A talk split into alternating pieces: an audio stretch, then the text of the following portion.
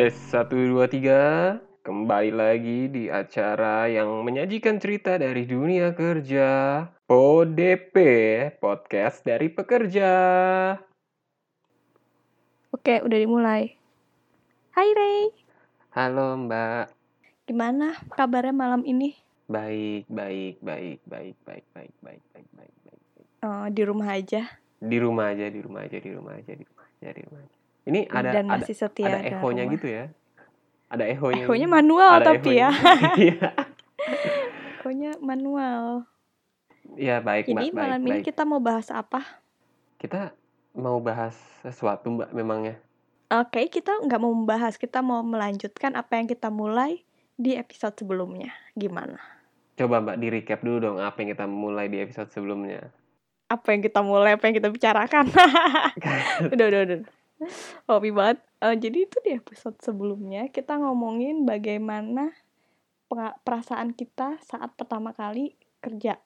Kerja pertama kali ya. Seneng Se- dong. seor- sebagai eh, sebagai seorang fresh graduate Seneng gak mbak? seneng akhirnya nggak pengangguran lagi akhirnya punya status gitu kan ganti status dari pelajar jadi budak korporat Kok gitu dari pelajar jadi pekerja mbak? bukannya pegawai swasta ya emang pekerja gitu Eh ya di KTP tulisannya pegawai ya. ayo ketahuan KTP-nya masih ini ya Pelajar. masih pelajar Iya KTP-nya sama masih pelajar. KTP-nya seumur hidup sih belajarnya juga berarti Iyalah kan hidup itu adalah sebuah pembelajaran yang tak pernah berhenti. Cie. Asik. Mantap, mantap. Soalnya agak aneh aja masa KTP ada pekerjaannya. Siapa tahu dari ibu rumah tangga jadi wira swastawan, wira swastawati. Kan gak ada yang tahu. Enggak, enggak mbak. Itu KTP-nya tuh harus ada pekerjaannya supaya dia enggak jadi beban negara mbak. Coba bayangin kalau KTP nggak ada pekerjaan. Dia dapat duit dari mana? Kan bukan urusan pemerintah juga, orang pemerintah nggak mau ngasih duit. Enggak gitu. Ah mbak nih. Jangan dong. Oh, biar tahu. Ini nih penghasil pajak ya, ini bukan penghasil pajak ya. Enggak itu ada NPWP namanya. Kalau soal masalah Eh, yang menghasilkan Sekarang pajak atau semua enggak. orang bekerja Enggak, sekarang semua orang yang bekerja atau tidak harus punya NPWP. Enggak mbak, kalau orang yang nggak punya pe- penghasilan tetap, NPWP-nya dinonaktifkan. Iya, tapi kan harus punya. Belum tentu. harus ada kartunya harus terdaftar Kalau hilang, kalau hilang tapi kan udah terdaftar enggak kita ngapain bahas itu ya allah dua menit kita terbuang sia-sia Nggak bro apa-apa kan ini intermezzo, mbak kenapa sih? Ya, oke jadi Oke. kan jadi kan kemarin kita eh kemarin episode selanjut eh selanjutnya kan episode sebelumnya kita udah ngomongin soal pengalaman kita pertama kali kan kerja nah sekarang kita mau ngomongin pengalaman apa lagi nih sebagai oh, seorang fresh grad pengalaman Right. probation mbak penting tuh kayaknya. Probation ya itu masa uji coba ya udah kayak Kayak mobil, test drive. Iya, tes ya tes drive kan kalau mobil sebelum beli kan, kalau ini udah dibeli dulu baru dites. Nah, itu biasanya kalau belanja-belanja online tuh. Ntar baru Oh kasih iya, rating. bisa dibalikin. Iya. Eh, Bisa diretur. Jangan salah, tapi Iya, kalau kita ya nggak bisa retur. Masa kita mau balikin? bisa dipecat. Oh, duitnya ya, enggak. Enggak. Biasanya tuh Enggak, enggak dipecat, mbak. Resign. enggak, kan belum ada kontraknya biasanya sih beberapa perusahaan tuh masa probation belum ada belum ada kontrak, belum ada kejelasan gitu. Masa sih? Yes. Mm-mm. Kantor aku yang dulu gitu. Bukannya ini ya tetap tetap ada sih waktu dulu magang ada kontraknya. Eh, iya ada. Jadi kontrak dulu tiga bulan. Habis itu nanti baru ditentuin perpanjang jadi setahun atau permanen gitu. Atau kalau misalnya dia diperpanjang Kayaknya beda-beda berarti perusahaan. kontraknya makin panjang ya mbak ya tulisannya kayak perpanjang SIM, Yoi, SIM-nya makin lembar-lembarnya panjang gitu juga. kan. Perpanjang Nggak muat KTP, dompet. KTP-nya makin panjang kan. Iya, tapi nanti nggak muat dong di dompet. Nah, itu dia. itu masalahnya makanya kita harus ngomongin ini yang probation ini. Jadi kan kita Mm-mm. bisa tahu kita bisa muat atau enggak. Dalam artian kita bisa fit in, blend in di perusahaan yang sekarang kita bekerja atau tidak. Itu kan balik lagi kan akan mempengaruhi dari performa kita ya, Mbak ya.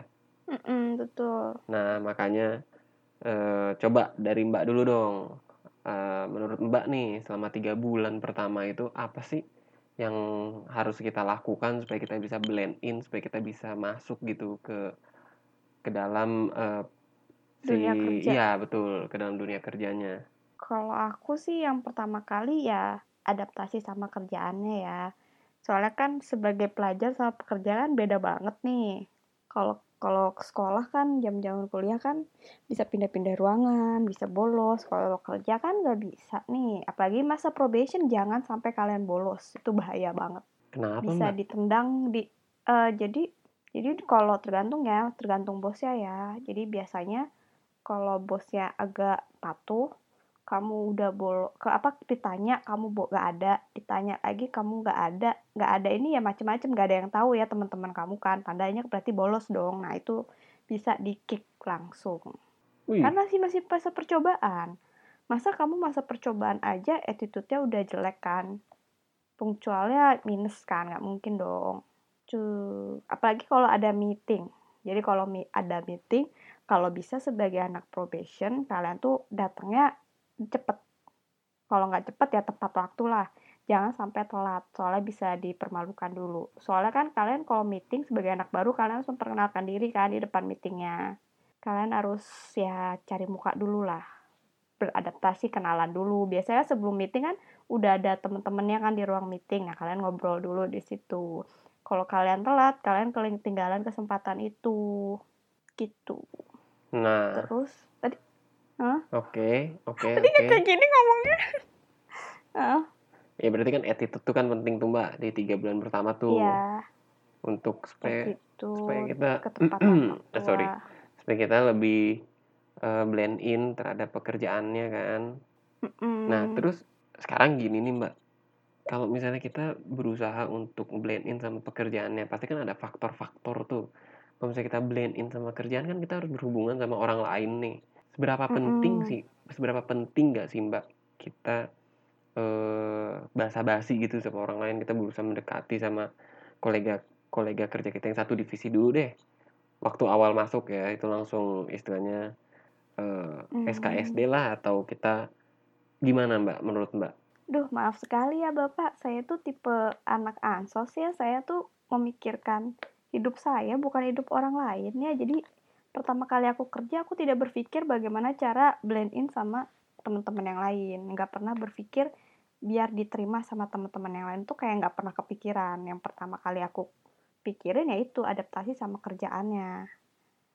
Sama pola kerjaannya, proses kerja kayak gimana gitu. Kayak kan semua ini pekerjaan ada SOP-nya ya, belajar itunya. Soalnya kalau pertama kali kita kerja tuh biasanya eh, bos kita ngasih tahu SOP-nya, terus nanti teman-teman kerja aja yang ini yang bantuin untuk reminder kita kalau ternyata kita lupa SOP. Soalnya kita kan nggak mungkin lihat SOP setiap hari kan, tiap menit kan. Nah, paling itu adaptasi sama prosesnya, sama diri kita, mungkin terakhir kali ya aku lupa aku mulai adaptasi sama temen-temen kantor tuh kapan ya kayak bukan tiga bulan pertama deh tiga bulan pertama emang pure adaptasi sama diri sendiri karena emang karena emang sebenarnya aku eh, punya eh, pekerja imp- pekerjaan impian itu bukan yang seperti aku dapatkan Eh, soalnya setiap orang kan pasti punya pekerjaan impiannya mereka kan. Tapi pada kenyataannya kemungkinan kita dapat itu nggak semua orang pasti dapat rata-rata orang nggak akan dapat jadi kayak bagaimana meyakinkan diri untuk melakukan kerjaan itu Hmm, kedua hmm. ya baru tadi yang proses kerjanya. Mungkin yang ketiga kali ya orang. Tapi kayak bukan masalah utama sih kalau buat aku pribadi ya. Kalau kamu mungkin kamu punya masalah sama orang mungkin. Enggak sih mbak. Saya Gimana? saya nggak punya masalah sama orang. Bukan maksudnya kenapa tadi kamu nanya harus adaptasi sama rekan kerja gitu? Enggak karena aku mikirnya ya kan kita kan bekerja kan dalam tim ya mbak ya. Kita kita harus Iya, berkomunikasi. betul. kita juga harus bisa berkolaborasi dan kita bekerja di perusahaan kan kita digaji oleh perusahaan artinya kita harus bisa memberikan hasil untuk perusahaan. Kalau misalnya mau memberikan hasil kayak olahraga aja deh mbak. Kayak olahraga misalnya main bola atau main basket itu kan bertim ya. Kalau misalnya kita main sendiri iya ber- kita nggak komunikasi kan nggak jadi mbak. Nah itu sih makanya tadi saya nanyanya seperti itu kalau kan misalnya kita main bola nih main bola kan kita ada SOP-nya juga dong. Si bagian uh, posisi mana aku nggak tahu sih main bola posisinya apa. Back apa apa sih yang kiper apa aja sih? Ada kiper. ada berapa posisi kan? Iya ada berapa posisi. Nah setiap kita nginjek garis itu kita harus oper kan. Harus ada harus ada opernya tuh ada ketentuannya kan. Nggak boleh kita asal oper nggak boleh kita tetap keep bolanya Iya, Mbak. Ya, ya itu lebih ke arah instruksi dari manajer sih, Mbak, dari pelatih. Nah, berarti kan SOP-nya kita harus dengar eh kita harus tahu posisi kita sebagai apa dan mendengarkan si instrukturnya kan. Nah, aku tuh dulu tuh berpikir ya kayak gitu aja. Jadi kalau SOP-nya aku di sini harus kasih misalnya ke bagian finance ya udah aku baru ngomong ke finance gitu nggak nggak tiba-tiba belum nggak baca SOP nggak ada angin nggak hujan langsung datang ke finance ngajak ngobrol nggak. Aku bukan tipe yang kayak gitu sih. Ah oke okay, oke. Okay. jadi kayak benar-benar tahu aku menginjak di daerah mana aku siapa gitu. Pengen eh, pertama kali itu tiga bulan tahu dulu aku siapa di posisi apa SOP bagaimana eh, departemen yang tempat aku kerjain itu bergerak di bidang apa tanggung jawabnya apa nah, baru aku baru ya baru aku setelah itu ya setelah tiga bulan sih biasanya baru aku coba adaptasi dan improve di bagian tim kerja sama tim tadi. Karena kalau kita nggak tahu kita kerjain apa justru sama orang-orang yang lain nih departemen yang lain nih justru kayak kita tuh rese itu dianggap rese. Lu nggak tahu kerjaan lu apa gitu. Lah iya kan ada SOP-nya maksudnya kan setelah seperti yang mbak yeah. bilang maksud saya tadi ya kan nggak mungkin juga saya ujuk-ujuk baru masuk terus langsung uh, sotoy-sotoyan gitu kan. Itu kan Enggak, semua ya. kan ada ada aturannya lah. Tapi maksud saya lebih ke arah uh? menjalin komunikasi dengan tim dengan uh, divisi lain seperti itu. Maksudnya kan kita kalau misalnya mau mau blend in kayak kita di sekolah kan kita ngobrol lah paling enggak mbak. Kalau misalnya kita diem diem doang ya allah. kan ini gimana tuh? pertanyaan kamu tuh pertanyaan kamu tuh tidak cocok untuk saya. Saya tuh anaknya diem diem aja. Kalau nggak diajak ngomong ya udah diem aja. Ingat gak sih pertama kali kerja kamu bilang aku serius banget satu minggu pertama kan padahal emang kayak gitu malas aja ngomong sama orang. Jadi kalau kamu sudut pandang Ray sendiri deh tiga bulan pertama tuh baiknya gimana? Baiknya siapa tahu ada bukan ada orang yang talkative nggak kayak aku yang pendiam diem aja kan siapa tahu kamu mewakilkan mereka gitu. enggak sih kalau saya baiknya tiga bulan pertama banyak banyak doa aja. Udah itu doang sih mbak. Nggak ada lagi kata-kata lain yang bisa saya berikan selain ber doa banyak tanpa banyak doa. usaha sama saya? Ih kan harus ada usahanya. Nggak mungkin dong doa tanpa usaha. Ah iya kan usahanya ya ya udahlah. Usahanya tuh kita Apa? harus seperti yang tadi mbak bilang saya udah setuju. Tadi mbak udah mewakilkan soalnya saya mau bicara kayak kayaknya udah semua tadi makanya saya tinggal tambahin yeah. banyak-banyak doa biar ya, biar kan usahanya jadi. Banyak-banyak doa. Ya tapi kalau kalau ada sih orang yang berpikir komunikasi itu penting juga biar kalau kita ada masalah kita enak kan ngomong sama si orang tersebut kan. Tapi kan kita balik lagi kita nggak tahu orang itu bisa nggak sih menyelesaikan masalah yang bakal kita tanyain kan gitu. Uh, Ya iya sih, benar juga sih Mbak. Tapi kalau dari sudut pandang saya, ya tiga bulan pertama seperti yang Mbak bilang, ya kita lihat dulu SOP-nya, kita lihat instruksinya seperti apa, kita jangan telat, jangan bolos, itu penting attitude hmm. kan. Uh, kalau komunikasi, oh. hmm. seiring berjalannya waktu apa? sih, ya kita pasti akan berkomunikasi kan sama tim. Kadang memang ada juga kan kantor yang banyak kan diem-dieman juga istilahnya nggak banyak basa-basi atau bagaimana kan. Tapi toh bisa jalan. maksudnya maksudnya ya komunikasi adalah bagian dari kita cara kita adaptasi sih. Tadi saya kan uh, mbak lebih ke arah attitude kan. Tapi saya kan pengen tahu kalau misalnya dari sisi komunikasi itu gimana sih mbak? Itu aja. Maksudnya supaya kita sharing. Jadi kan ada yang uh, talkatif kan. Seperti yang mbak bilang dia dia lebih aktif berbicara. Intinya pada saat kita berbicara pun hmm. kita tetap harus lihat posisi kita di mana kan instruksinya seperti apa. Kayak gitu kan balik lagi ke mm -mm. attitude kita. Soalnya ya aku uh, apa tadi kan masalah ngomong ya. Jadi uh, bukan pengalaman aku sih bukan pengalaman orang-orang di tempat kerjaku tapi ada kayak temen aku punya temen anak baru gitu. Tapi ya cerewet banget. Dan jadinya satu divisi tuh ngemusuhin dia. Karena bukan waktunya dia ngomong dia ngomong gitu. Ngerti nggak? Eh ya itu ini ya mbak subjektif ya maksudnya.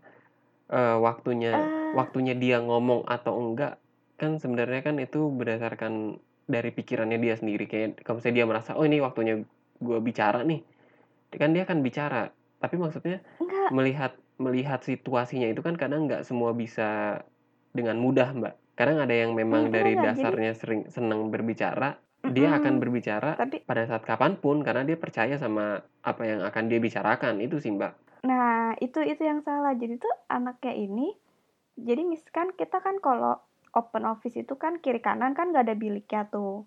Nah jadi bos lagi ngomong sama yang udah agak lama kerja ngomongin suatu hal, tiba-tiba si anak baru ini yang nggak tahu apa-apa ikutan nimbrung dan ngomong. Dan omongannya itu nggak sesuai. Di mana kan kalau bos mau ngomong sama seanak buahnya itu kan lebih apa ya? Lebih berat gitu topik ya kenapa sih bocah baru masuk ini ikutan cukup-cukup ngomong nah itu nggak sopan Oh Baik lagi iya. kamu anak baru, ya kamu anak baru, kamu harus tahu attitude. Kalau ada orang tua yang ngomong, apalagi bos kamu, udah nggak usah ikut campur, nggak usah ikut nimbrung, udah nggak usah ikut sok-sok anak anak gaul yang kayak zaman-zaman sekolah gitu. Eh nimbrung dong, ya ngobrol. Nggak bisa kalau sama bos dan yang lebih senior, yang maksudnya senior ini yang lebih lama kerja di kamu dari kamu, ya udah nggak nggak usah ikut campur kecuali kamu ditanya gitu. Nah, tuh kan, itu insight yang bagus tuh. Jadi hmm, jadi meskipun kamu cerewet, ya cerewetlah pada tempatnya gitu. Betul, betul, betul. Dan kalau usah ditanya kayak ya di jawab. meeting. Nah, iya, kayak di meeting. Kalau di meeting kamu penting banget cerewet karena e, pinter atau bodohnya kamu selama kam omongan kamu itu ada bukti dan ada landasan ininya yang bisa kamu bawa gitu. Landasan dan dapat dimengerti sama orang dalam meeting, justru kamu bagus gitu. Kamu banyak ngomong di dalam meeting itu bagus. Oh, ya aktif lah jadi kelihatannya kan ya. Iya, aktif betul. Yang penting sesuai. Iya, sesuai dengan topik yang lagi di meetingin ya. Jangan kita lagi meeting ngobrolin misalnya penjualan, nah kita oh, iya. ngomongin penjualan kue kita di rumah. Nggak nyambung uh, atau uh. ngomongin liburan. Iya benar, atau ngomongin tiket promo kan. Uh, uh, nggak nyambung kan ngomongin tiket promo di meeting lagi ngomongin penjualan kan. Nah makanya tuh Nah, kan ya udah Mbak. Kalau saya sih kelihatnya kayaknya tadi udah sangat mewakilkan tuh tiga bulan pertama tuh ya adaptasinya penting lah. Dan ada beberapa beberapa insight yang semoga bisa jadi apa eh, namanya bentar, gambaran. bentar, bentar. tapi bentar Re. ya? Aku lupa satu hal. Uh -uh. kan kita kamu kan cowok nih. Cowok kan biasanya pakaiannya outfitnya gitu-gitu aja kan. Pilihannya tuh di pasaran eh pasaran. Eh pokoknya pilihan modenya tuh di luaran nggak banyak kan nah sedangkan cewek kan banyak nih outfitnya pakaian kerjanya kalau menurut aku tiga bulan pertama kamu tuh pakai outfit yang eh, aman aja tertutup dan sopan gitu kan biasanya tuh ada tuh cewek tiba-tiba pakai dress kan ada dong outfit kerja yang dress panjang gitu kan uh, oh iya mbak maksudnya saya nggak pernah lihat tuh beneran deh Mbak pernah? Iya, iya, mbak, iya. Mbak aku ada, ngasih tahu ada aja. pengalaman. Ini, oh iya, iya. Jadi ini khusus buat cewek ya. Karena kalau cowok kan outfitnya gitu-gitu aja kan. Paling yang bikin sakit mata kan rambut kan. Nah kalau cewek itu pakaian. Jadi tuh dulu pernah ada pegawai yang pakai rok pendek banget. Jadi menurut aku kalau ketiga ketika kamu tuh masih probation nih masih tiga bulan pertama nah di minggu pertama kamu tuh pakai pakaian yang uh, normal aja gitu yang sewajarnya yang sesopannya tertutup rapi warnanya jangan ngejreng-ngejreng warna-warna netral kayak putih abu-abu gitu. Nah setelah itu kamu selama seminggu itu kamu lihat orang-orang di kantor pakai baju apa aja. Baru itu kamu copy jangan tiba-tiba pakaian heboh kamu yang biasa kamu pakai ke kampus nih atau kamu lihat di internet di online shop ini pakaian kerja yang wow terus kamu pakai. Nah itu biasanya jadi pergunjingan orang-orang. Terutama kalau pakaian kamu sedikit terbuka ya. Kayaknya rata-rata orang Indonesia kurang suka deh kayaknya. Sejauh ini ya gitu. Nah iya buat yang perempuan tuh. Buat cewek ya rata-rata buat cewek. catet-catet mm, Oke lah. sama make up kali ya. Nggak tahu sih kalau make up sih tergantung ya. Kadang ada yang nggak suka yang menor banget kadang ya udah sih biarin aja gitu. Eh, make up ya. Oh, kalau aku orangnya nggak terlalu peduliin sih ya Mbak ya. Maksudnya kalau ya kalau ngelihat itu cowok Hmm, ya masa aku pakai bedak ke kantor kan aku nggak lagi syuting. Hmm. asik Hmm, sekarang pakai ya Iya nih pakai bedak bayi atau ini pakai salisil Mbak, gatal-gatal. di muka salisil bagus panas dong Eh. oke jadi apakah bapak ingin memberikan kesimpulan tadi kayak mau beri kesimpulan deh Enggak, enggak. Saya nggak mau kasih kesimpulan. Kan kita bukan lagi presentasi ini Mbak, makalah. Kesimpulannya Oke, adalah baiklah. iya iya iya mak kalah pak kalah ya enggak, enggak, enggak. Ya kesimpulannya ya tetap satu attitude, dua komunikasi, tiga eh, penampilan. Tiga hal penting yang harus diperhatikan saat tiga bulan pertama supaya kita bisa blend in, supaya kita bisa yakin sama diri kita bahwa inilah kerjaan yang istilahnya eh, cocok. Karena kalau misalnya kita nggak bisa adaptasi, pastinya performa kita akan kena dampaknya. betul Betul. Oke Mbak Trivi, kita sudahi dulu Oke, Re. sampai di sini. Mm-mm, Ya, sampai ketemu lagi Mbak di episode berikutnya. selanjutnya Mm-mm, dadah Dadah.